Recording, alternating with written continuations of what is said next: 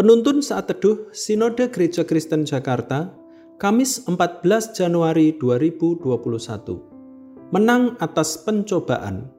Lukas 4 ayat 1 sampai 13. Yesus yang penuh dengan Roh Kudus kembali dari Sungai Yordan, lalu dibawa oleh Roh Kudus ke padang gurun. Di situ ia tinggal 40 hari lamanya dan ia dicobai iblis. Selama di situ ia tidak makan apa-apa dan sesudah waktu itu ia lapar. Lalu berkatalah iblis kepadanya, "Jika engkau anak Allah, suruhlah batu ini menjadi roti." Jawab Yesus kepadanya, "Ada tertulis manusia hidup bukan dari roti saja." Kemudian ia membawa Yesus ke suatu tempat yang tinggi dan dalam sekejap mata ia memperlihatkan kepadanya semua kerajaan dunia.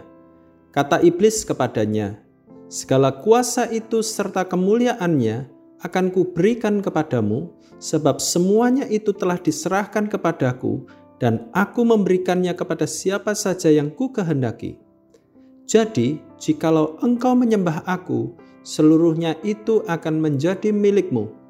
Tetapi Yesus berkata kepadanya, Ada tertulis, engkau harus menyembah Tuhan Allahmu, dan hanya kepada dia sajalah engkau berbakti. Kemudian ia membawa Yesus ke Yerusalem dan menempatkan dia di bubungan bait Allah, lalu berkata kepadanya, "Jika engkau anak Allah, jatuhkanlah dirimu dari sini ke bawah, sebab ada tertulis mengenai engkau, ia akan memerintahkan malaikat-malaikatnya untuk melindungi engkau, dan mereka akan menatang engkau di atas tangannya, supaya kakimu jangan terantuk kepada batu."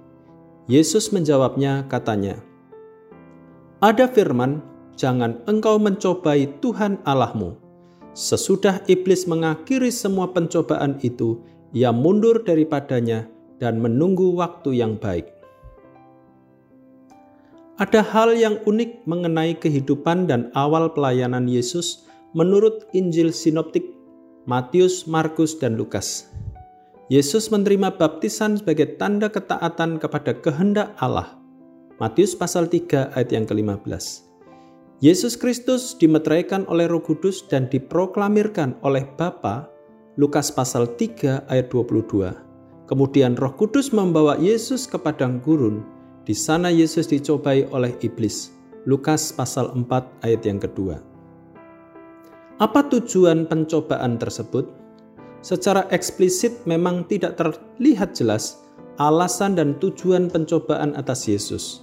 Namun, kita bisa menarik pelajaran yang penting dari kisah pencobaan Yesus di padang gurun. Pembelajaran itu adalah kunci kemenangan Yesus atas segala pencobaan yang dihadapinya. Pencobaan yang dialami Yesus secara esensial mencakup tiga aspek. Yang pertama adalah fisik, kebutuhan akan makanan. Kedua, identitas diri Yesus sebagai anak Allah. Ketiga, popularitas sebagai orang yang penuh kuasa dan kemuliaan yang dapat diperolehnya dengan cara menyembah iblis.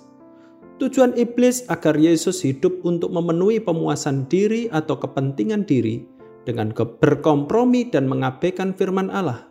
Yesus menghadapi setiap pencobaan dengan menerapkan kebenaran dan prinsip firman Allah. Yesus menerapkan firman Allah secara tepat atas setiap macam pencobaan yang dihadapinya. Bagi Yesus, kebutuhan makanan memang penting, namun kebutuhan akan firman Allah juga penting. Penting juga bagi kita untuk mengutamakan penyembahan kepada Tuhan. Janganlah kita menyembah kepada iblis sebagai jalan termudah untuk mendapatkan segala sesuatu kita juga tidak boleh mencobai Tuhan. Jadi kunci kemenangan Yesus adalah selalu berpusat kepada Allah dan firman-Nya melalui penerapan yang tepat. Jika Yesus dicobai oleh iblis, maka kita pun tidak akan bebas dari pencobaan. Kunci utama untuk menang atas pencobaan adalah menerapkan kebenaran firman Tuhan. Kita tidak boleh menyalahgunakan firman Tuhan demi kepentingan diri sendiri, Yesus Kristus berhasil mengatasi pencobaan sehingga kita memahami bahwa Ia adalah Anak Allah yang penuh kuasa. Ia tidak terkalahkan oleh apa pun dan siapa pun.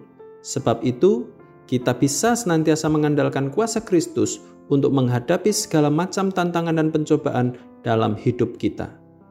Kemenangan Kristus adalah dasar kemenangan kita. Tuhan Yesus memberkati.